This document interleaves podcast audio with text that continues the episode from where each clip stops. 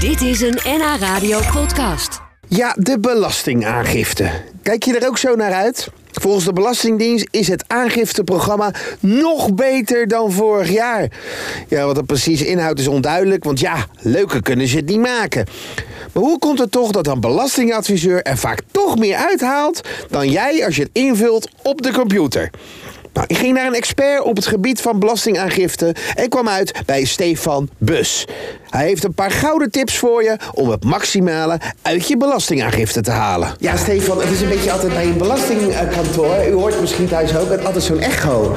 Ik, denk, ik verwacht dat het stapels papier hebben jullie waar jullie achter zitten. Nee, maar nee, we dat- gaan, dat- dat- we gaan steeds meer digitaliseren. ja, dat is echt een echo. Moet je horen, joh. Hey, ik had aan jou gevraagd, heb jij een paar eh, nuttige tips... dat we het ook allemaal snappen, waar we een beetje op kunnen letten? Want het is wel een doolhof, hè? Ja, dat- Het wordt wel voor je ingevuld.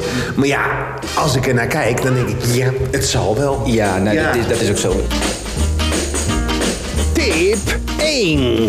Tip is bewaar alle stukken goed. Is dit tip één? Eh, dat is tip 1. Ja, oké, heel goed, ja. tip 1. bewaar alle stukken goed. eh, verzamel het. eh, en voordat je de aangifte gaat indienen, kijk of je alle papieren inderdaad... Je wachtwoorden. Je wachtwoorden inderdaad. Het om- wil ook nog wel eens zo zijn dat het bedrijf waar je je, je levensverzekering hebt... dat het opeens een andere naam heeft gekregen. Ja, klopt. Eh, Ja, en welke brieven heb je nodig? Welke moet ik naast me neerleggen eh, leggen voordat ik inlog? Voor de meeste mensen zijn het toch wel de jaaropgave voor het inkomen. Ja. Eh, kijk of je tussentijds niet verwisseld bent eh, van werkgever. Nee. Hè, dat wil ook nog wel eens Nee, vaak voorkomen. Eh jaarupgave van de hypotheek. Hypotheek. eh, de WOZ-waarde. Nee, oh ja, dat is de waarde van je woning, hè? Ja, de waarde Die van de stijgt woning. altijd. Ja, helaas Ja. wel. Maar voor, voor de aangifte 2019 mag je de WOZ-waarde 2018 hanteren. En eh, ja, bewaar ook of de jaaropgave van alle spaar- en bankbetaalrekeningen. Ja. En eh, ja, vorderingen schulden voor de vermogenstoets in box 3. Daar geldt wel een vrijstelling. Drie jaar, daar ga je alweer. eh, Steven. Ja, ja. Dan ben ja. ik het kwijt, hoor. Ja, nee, box 3 is het, is het vermogen wat iemand bezit. En eh, kom je boven een bepaalde eh, Oh. Ah, grens. dat is het, eh, de rijken. Dat- dat- dat zijn de, ja, de welgestelden onder ons. Ja. En dan, welk bedrag is dat dan? Eh, de vrijstelling is ongeveer bij de 31.000 euro per Oh. persoon. Oh ja. En alles wat erboven komt, ja, daar betaal je een stukje belasting over. Ja, ja. ja, ja. Dat, eh, Tip 2. Bekijk goed als je eh, samen met je partner de aangifte indient en eh, je hebt de aangifte proberen te optimaliseren. Ehm, er is een vrijstelling van 45 euro. Dus als iemand 45 euro moet betalen, dan zegt de fiscus van nou, laat maar zitten, dat kost ons te veel geld. Eh, dus dan. ehm, Ja, ja. Oh. Dus aan het eind dan kan je altijd schuiven met dat balkje. Ja. Wie moet betalen en wie krijgt geld terug. ja, en... en- dan moet er eentje 45 euro. Dat, dat zou eh, het meeste optimalisatie, ja, het meeste optimaliseringen Maar als de zijn. Belastingdienst dit hoort, hè, dat je deze tip geeft. Ja, dat gaat te veel geld daar- kosten.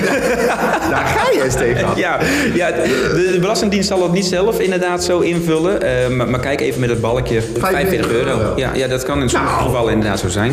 Ja, ja.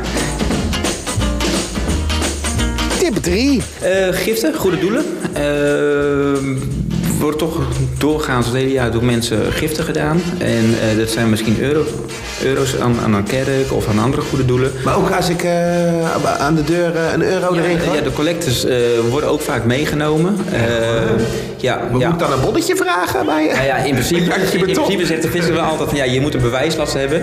De collectors, eh, ja, dat, dat is inderdaad niet zo. Alleen eh, het zijn vaak wat kleinere bedragen. Nou geeft de Nationale Postcode Loterij, waar ik aan meedoe, die geeft eh, aan goede doelen. Ja.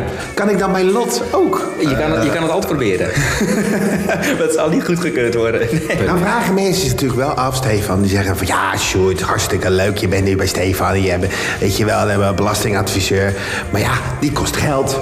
Ja. Dan ben ik toch een Nederlander. Wat ben je aan een gemiddelde belastingadviseur die jouw eh, belastingen invult ongeveer kwijt? Wat mag je kwijt zijn? Nou, ik denk dat je rond de 90 tot 100 euro inclusief BTW eh, kwijt bent. Vind ik- en, maar als hij er meer uithaalt.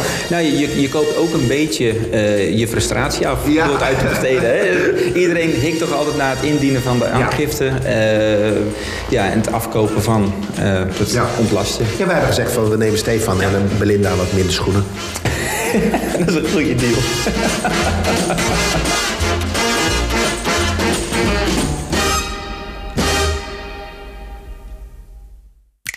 Dit was een NH Radio podcast. Voor meer, ga naar nhradio.nl.